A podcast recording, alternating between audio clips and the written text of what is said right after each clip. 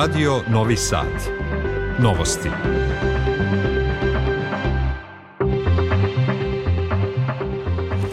Dobar dan, poštovani slušalci, ja sam Aleksandar Grujić. Ja sam Nikola Rausavljević. I sadržaj emisije. U Srbiji na snazi izborna tišina pred ponovljene izbore na pojedinim biračkim mestima u subotu. Inflacija krajem godine upola manja nego krajem 2022. tvrde u Narodnoj banci. Vlada za narednu godinu odobrila 100.000 turističkih vouchera, vrednost kupona povećana na 10.000 dinara. Dodeljene nagrade dr. Zoran Đinđić, najboljim mladim istraživačima Novosadskog univerziteta. Sukobi u Gazi na zapadnoj obali, protesti u Jerusalimu zbog nerešene sudbine talaca koje drži Hamas. Vladimiru Peš, Pištalu uručena nagrada Beskreni plavi krug za najbolji roman u izboru Matice Srpske. Novak Đoković, najbolji sportica sveta u 2023. godini u izboru Lekipa.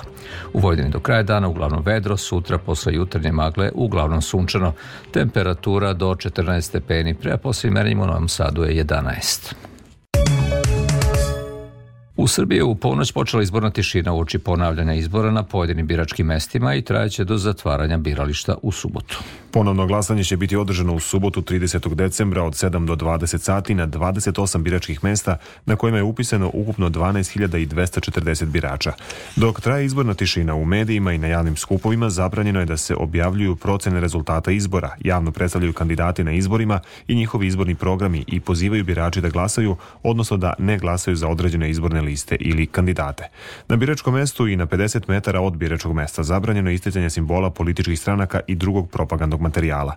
Za fizička i pravna lica koja prekrše izbornu tišinu predviđene su novčane kazne od 10 do 150 hiljada dinara. Uspostavljeno je održiva opadajuća inflacija i ona će krajem godine biti dvostruko manja nego krajem 2022. Održana je relativna stabilnost dinara prema evru, a bruto devizne rezerve iznose 24,5 milijarde evra i najveće su do sada objavila je Narodna banka Srbije sumirajući godišnje rezultate. Iz Narodne banke navode da je za više od tone uvećano i zlato u deviznim rezervama koje sada iznosi skoro 40 tona, da je dinarska štednja premašila protivrednost od milijardu evra, a da će priliv od stranih direktnih investicija premašiti projektovani nivo i biti oko rekordnog nivoa zabeleženog lane. Uprko se nepovoljnom delovanju spoljnih faktora, zadržan je kreditni rejting Srbije uz stalne izglede, stabilne izglede, pri čemu je rejting prema ocenama agencije Standard Poor's na korak od investicionog, kažu u Centralnoj banci. Vlada Srbije usvojila je uredbu o dodali stotinu hiljada vouchera za subvencionisani odmor u zemlji, kojim se najviša vrednost vouchera povećava sa 5000 dinara na 10.000. Prijavljivanje građana za korišćenje vouchera počeće 15. januara na šalterima Pošte Srbije. Pravo na vouchere imaju penzioneri, nezaposleni korisnici prava na dodatak za pomoć i nekog drugog lica, vojni invalidi, nosioci poljoprivrednog gazdinstva, studenti, lica starija od 65 godina koja ne ostvaruju pravo na penziju, kao i zaposleni sa primanjima do limita povećanog na maksimalnih 80.000 dinara mesečno. Novosti Radio Novog Sada. U pokrajinskoj vladi predstavljen je novi koncept saradnje između pokrajinskog sekretarijata za privredu i turizam i Vojvođanskog IKT klastera. Tom saradnjom je predviđeno organizovanje obuka za programere sa kojima u privredi Srbije postoji velika potreba. Poručeno je da će nakon završene desetomesečne obuke svi polaznici moći da se zaposle. Pojedinosti Marija Maleš. Svi zainteresovani pozvani su da se do 5. januara prijave na obuku za programere putem internet stranice IKT klastera Vojvodine, a osnovni uslovi su da imaju završenu srednju školu i državljanstvo Srbije, rekao je pokrenjski sekretar za privredu i turizam Nenad Ivanišević. Nakon toga, kako je dodao, kandidati će rešavati testove na osnovu kojih će komisija proceniti da li posjeduju odgovarajuće znanje i odabrati one koji ispunjavaju uslove. Mi svedočimo istorijski niskoj stopi nezaposlenosti, ali u određenim sektorima, posebno u sektoru usluga, još uvek postoji potreba za određenom radnom snagom i mi smo celu godinu obrazovali ljude u hotelijerstvu, u gostiteljstvu i u IT sektoru. Ova obuka danas koju započinjemo, odnosno javni poziv za prijavu kandidata ima za cilj da obuči sva lica sa teritorije Republike Srbije koji su imaoci naših državljanstva koji su završili srednju školu da mogu da steknu zvanje junior programera, znači mogu odmah da se zaposle. Obuka počinje odmah posle božićenih praznika, a vodiće stručnjaci sa IKT klastera zajedno sa Fakultetom tehničkih nauka u Novom Sadu. U gradskoj kući u Novom Sadu organizovan je tradicionalni novogodišnji prijem za novinare i saradnike u medijima. Čestitajući novogodišnje i božićne praznike, gradonačelnik Novog Sada Milan Đurić najavio je nove projekte. Krećemo uskoro i pešačko-biciklistički most da radimo, čekamo da vidimo fakultet tehničkih nauka da nam prezentuje šta radimo sa Spensom, kako oni vide Spens da treba da izgleda u budućnosti, treba početkom januara da se Miša Dimitrijević završi zabavište i Malmaški kraj nastavljamo da radimo mostove, isto nastavljamo da gradimo, škole nastavljamo da gradimo, projektom u Petroradinu, deo nadogradnje osnovne škole da nadogradimo pošto Petrovaradin je naselje koje stvarno raste, enormno se širi. Imamo takođe još i Adice, evo oni traže već, traže već novo zabavište. Tako da menja se grad. Na materijalno stanje zaposlenih ukazuje činjenica koliko se raspravlja o minimalnoj zaradi, dok se u razvijenim zemljama govori isključivo o medijalnoj zaradi, koja zaposlenima omogućava normalan životni standard. To je jedna od poruka sa novogodišnjeg prijema za novinare koje je upriličio Save samostalnih sindikata Vojvodine u Radičkom domu u Novom Sadu. Beleži Anđelka Mijailović. Srbija je prethodnih godina napredovala kada je reč o pravima radnika. Doneti su brojni zakoni kao što su zakon o ravnopravnosti polova, zakon o bezbednosti na radu, zakon o socijalnom preduzetništvu, ali postoje mnogi problemi koji onemogućavaju primjenu tih zakona i to je ono čime se treba baviti, rekao je na prijemu predsjednik Saveza samostalnih sindikata Vojvodine Goran Milić. On dodaje i da se oni iz Saveza trude da ukažu na to koliko je važno da minimalna zarada bude utvrđena na pravi način, kao i na važnost uvođenja kolektivnih ugovora. Minimalna zarada svake godine u procentima raste, ali ona plod e, vladine odluke, a ne plod konsenzusa kakav bi trebao da bude u svim normalnim zemljama. To je jedna strana medalja, a druga strana medalje mislim da je kao kruna socijalnog dijaloga u ovoj zemlji bi bila donošenje kolektivnih ugovora za sve zaposlene, a ovde posebno mislim na na kolektivne ugovore u realnom sektoru, znači u industrijskoj proizvodnji, gde su tu bukvalno radnici ostavljeni na milost i nemilost poslodavcu. Sekretar Saveza Tihomir Stajić ističe da bi najniža zarada trebalo da bude privremena mera koja se sprovodi u posebnim situacijama, a ne trajni oblik primanja velikog broja zaposlenih kao što je kod nas slučaj. Stajić ukazuje i na značaj postojanja Saveza kao i na potrebu da Savezi jačaju i da se uvećava broj organizacija i zaposlenih koji su njihovi članovi. Dogod postoji sistem ekonomski u kome jedni ljudi su vlasnici sredstava rada, a drugi su vlasnici samo svoje radne snage. Apsolutno, ovi što su samo vlasnici radne snage treba da imaju svoju organizaciju preko koje će se boriti za popravljanje svog položaja. Znači, ako su tu svest imali u 18. i 19. veku, čudno je da ta svest nestaje u 21. veku. Minimalna zarada danas je ispod vrednosti minimalne potrošačke korpe, a 350.000 ljudi je sa najnižom zaradom, što ukazuje na težak materijalni položaj zaposlenih u Srbiji. Nagrade dr. Zoran Đinđić za mlade naučnike i istraživače za 2023. godinu dodeljene su rektoratu Univerziteta u Novom Sadu. Nagrada je ustanovljena kao sećanje na Zorana Đinđića i dodeljuje se za izuzetan doprinos nauci. Izveštava Marko Brajković. Prvi put otkad je ustanovljeno to priznanje. Prvo mesto dele dvojica istraživača, Nikola Todorović sa Fakulteta za sport i fizičko vaspitanje i Nemanja Teslić sa Naučnog instituta za prehrambene tehnologije. Laureat treće nagrade je Bojan Matkovski sa Ekonomskog fakulteta u Subotici. Dobitnici priznanja kažu da im je prestižna nagrada podstrek za dalji rad. Ova nagrada je, jeste jedna lepa nagrada i laska, ali svakako to zna, samo znači da moramo da radimo još više i još bolje da bi opravdali to što smo nosioci ove nagrade. Bavili smo se uglavnom valorizacijom sporednih proizvoda iz prehrambene industrije i poljoprivrede, gde smo pokušavali da vratimo neke od sporednih tokova u ponovo u prehrambenu industriju. Ne mogu reći da ne imponuje, pogotovo što se prvi put dodeljuje za oblast ekonomskih nauka za ovih 20 godina od, od kako postoji. Predsednica odbora dr. Zoran Đinđić, Biljana Škrbić, ukazuje da je poseban značaj nagrade upravo to što je dodeljuje Univerzitetska naučna zajednica, koja bira najbolje koji su istaknuti u svom radu. Mi očekujemo da će kandidati zaista dati doprinos prepoznatljivosti i vidljivosti našeg univerziteta. To je naš ugled, to je kuća koju smo mi, jel tako, završili, s kojim se ponosimo kada kažemo koji univerzitet smo završili. Godišnja nagrada dr. Zoran Đinđić dodeljuje se od 2004. godine. Pokrovitelj je Pokrenjski sekretarijat za visoko obrazovanje i naučno-istraživačku delatnost. Slušate novosti prvog programa radija Radio Televizije Vojvodine. U Višem sudu u Beogradu nastavljeno je suđenje u parničnom postupku protiv porodice Kecmanović, majka, oc, majke, oca i dečaka koji je 3. maja u osnovnoj školi Vladislav Ribnikar u Beogradu ubio devet vršnjaka i čuvara i ranio još šest osoba. To suđenje počelo je u oktobru, a danas svedoče porodice čiji članovi su ubijeni 3. maja u školi. Tužbu je podnelo 27 članova porodice žrtava masakra u parničnom postupku protiv naknade nematerijalne štete za pretrpljene duševne bolove usled smrti bliskog lica, kao i na ime pretrpljenog straha. Sud je već odredio privremene mere zabrane raspolaganja i otuđenja imovine oca i majke dečaka. Više javno tužilaštvo u Beogradu je podiglo optužnicu protiv oca i majke dečaka kao i vlasnika streljačkog kluba u kojem je maloletni KK učio da puca, dok je dečak krivično neodgovoran jer u trenutku masakra nije navršio 14 godina. Policija je saslušala napadača koji je sinoć nešto pre ponoći naneo teške telesne povrede doktoru u kliničko-bolničkom centru Zvezdara. Napadač je u jednoj od ordinacija fizički nasrnuo na zaposlenog i tom prilikom mu naneo teške povrede glave. Protiv napadača je podneta prijava za nasilničko ponašanje i nanošenje teških telesnih povreda. Vesti iz regiona i sveta. Tužilaštvo Bosne i Hercegovine podiglo je optužnicu protiv 11 osoba nekadašnjih pripadnika Karakajske čete, a kasnije zvorničke brigade Vojske Republike Srpske, kojom se terete za zločine protiv čovečnosti. Prema optužnici njima se na teret stavlja da su krajem maja i početkom juna 1992. godine postupali protiv pravno pravilima međunarodnog humanitarnog prava. Predsednik Republike Srpske Milorad Dodik izjavio za radio televiziju Republike Srpske da će ukoliko visoki međunarodni predstavnik Kristijan Schmidt pokuša da nametne zakon o imovini, Srpska odmah proglasiti nezavisnost. To znači nezavisnost u svemu i to novi finansijski sistem i teritoriju pod kontrolom Srpske.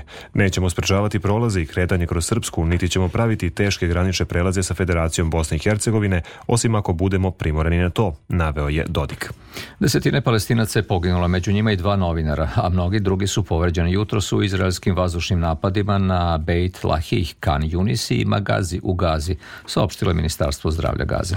U poslednjim sukobima izraelskih snaga i palestinaca u Ramali na zapadnoj obali, jedan palestinac je poginuo, a 14 je povređeno. Među povređenima je prema izvorima iz crvenog polumeseca bilo četvoro pogođenih bojevi mecima, od kojih je jedan bio novinar. Hiljade demonstranata mahom tineđera koji su započeli protestni marš iz Tel Aviva do Kneseta u Jerusalimu stižu pred izraelski parlament. Protestima pokušavaju da nateraju izraelsku vladu da nastavi pregovore o vraćanju talaca koje palestinska militantna grupa Hamas drži u Gazi. Izraelski premijer Benjamin Netanyahu izjavio je da bez vojnog pritiska koji nije ni blizu kraja, Izrael neće uspeti da oslobodi preostale taoce u Gazi i dodao da bez toga ne bi do sad bilo oslobođeno više od 100 talaca. Severnokorejski lider Kim Jong-un naredio je vojsci, industriji municije i sektoru nuklearnog naoružanja da ubrzaju ratne pripreme za suprotstavljanje neviđenim kontra konfrontacijskim potezima Sjedinjenih američkih država preneli su državni mediji Severne Koreje. Kim je naglasio da će Severna Koreja nastaviti saradnju sa antiimperialističkim državama, uključujući i Rusiju, dok Washington optužuje Pyongyang da obezbeđuje oružje koje Rusiji pomaže u sukobu u Ukrajini. 11 ljudi je poginulo, više od 50 povređeno u saobraćenoj nesreći na severozapadu Turske. U lančanom sudaru je učestvovalo sedam vozila, uključujući tri autobusa i kamion na autoputu Severna Marmara u provinciji Sakarija. Uzrok nesreće još nije utvrđen, a mediji javljaju da je oblast prekrivena jako maglom. Kultura Vladimir Pištalo, laureat je nagrade Beskrajni plavi krug. Priznanje mu je uručeno u Matici Srpskoj. Njegov roman, pesma o tri sveta, prema oceni žirija, najbolje je u srpskoj književnosti u protekloj godini. Pripremila Tatjana Novčić-Matijević. U romanu Pesma o tri sveta Vladimira Pištala u izdanju Agore nalazimo odjehe sumatraizma kojima se uspostavlja dijalog sa poetikom Miloša Crnjanskog. Obrazložili su između ostalog članovi žirija jednoglasnu odluku o najboljem romanu u srpskoj književnosti. Mi smo patuljci koji stoje na leđima divova, rekao je Vladimir Pištalo zahvaljujući na nagradi Beskrajni plavi krug. To je možda jedna metafora potrage i nade. Jedna najveća u našoj književnosti. I taj roman, Pesma o tri sveta, on je sve u potrazi. Mislim da taj roman o potrazi, o sve povezanosti, o hrabrosti da se razume. Ima mnogo na svetu i u ratovima pogotovo ljudi koji su hrabri da ubiju kukavice da misle. E pa ni Crnjanski ni Ozana Bolica nisu kukavice da razume. Nagradu Beskrajni plavi krug ustanovili su manifestacija Dani Miloša Crnjanskog, Banatski kulturni centar, Udruženje Sumatra i Matica Srpska sa namerom da se čuva i neguje književni standard Miloša Crnjanskog.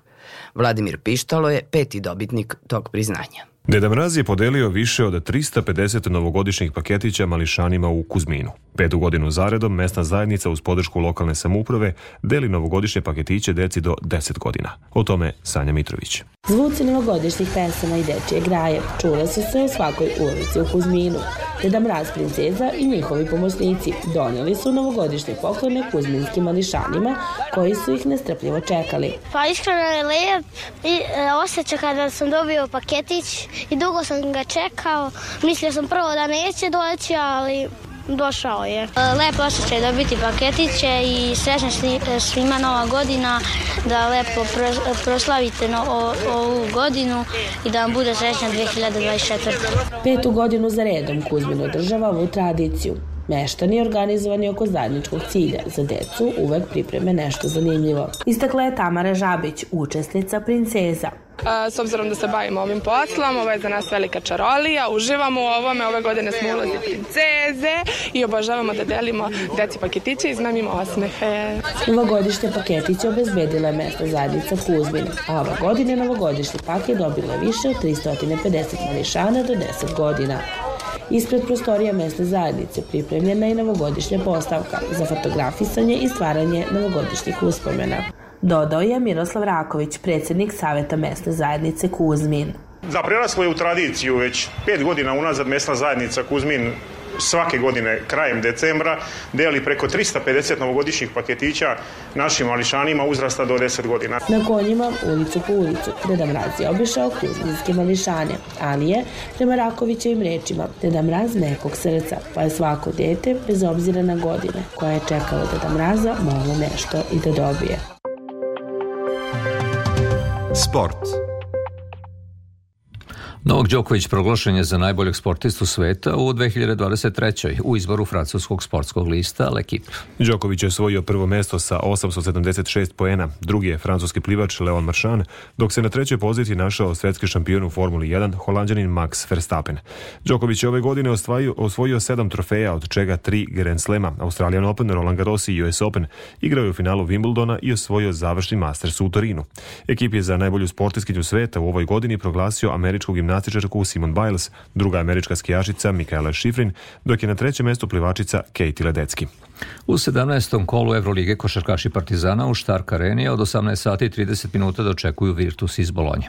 Crvena zvezda u Atini od 20.15 gostuje ekipi Panatina Ikosa. Tradicionalno turneju četiri skakaonice otvara kvalifikacijama od 16 sati i 30 minuta bavarski Oberstdorf.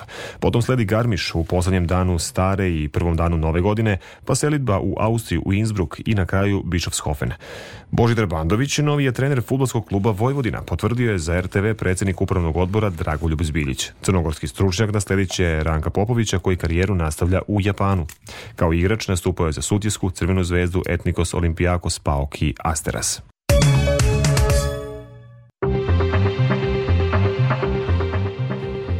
I pred kraj novosti još jednom najvažnije iz emisije. U Srbiji na snazi izborna tišina pred ponovljene izbore na pojedinim biračkim mestima u subotu. Inflacija krajem godine upala manja nego krajem 2022. tvrde u Narodnoj banci. Vlada za narednu godinu odobrila stotinu hiljada turističkih vouchera, vrednost kupona povećana na 10.000 dinara. Dodeljene nagrade dr. Zoran Đinđić najboljim mladim istraživačima Novosadskog univerziteta.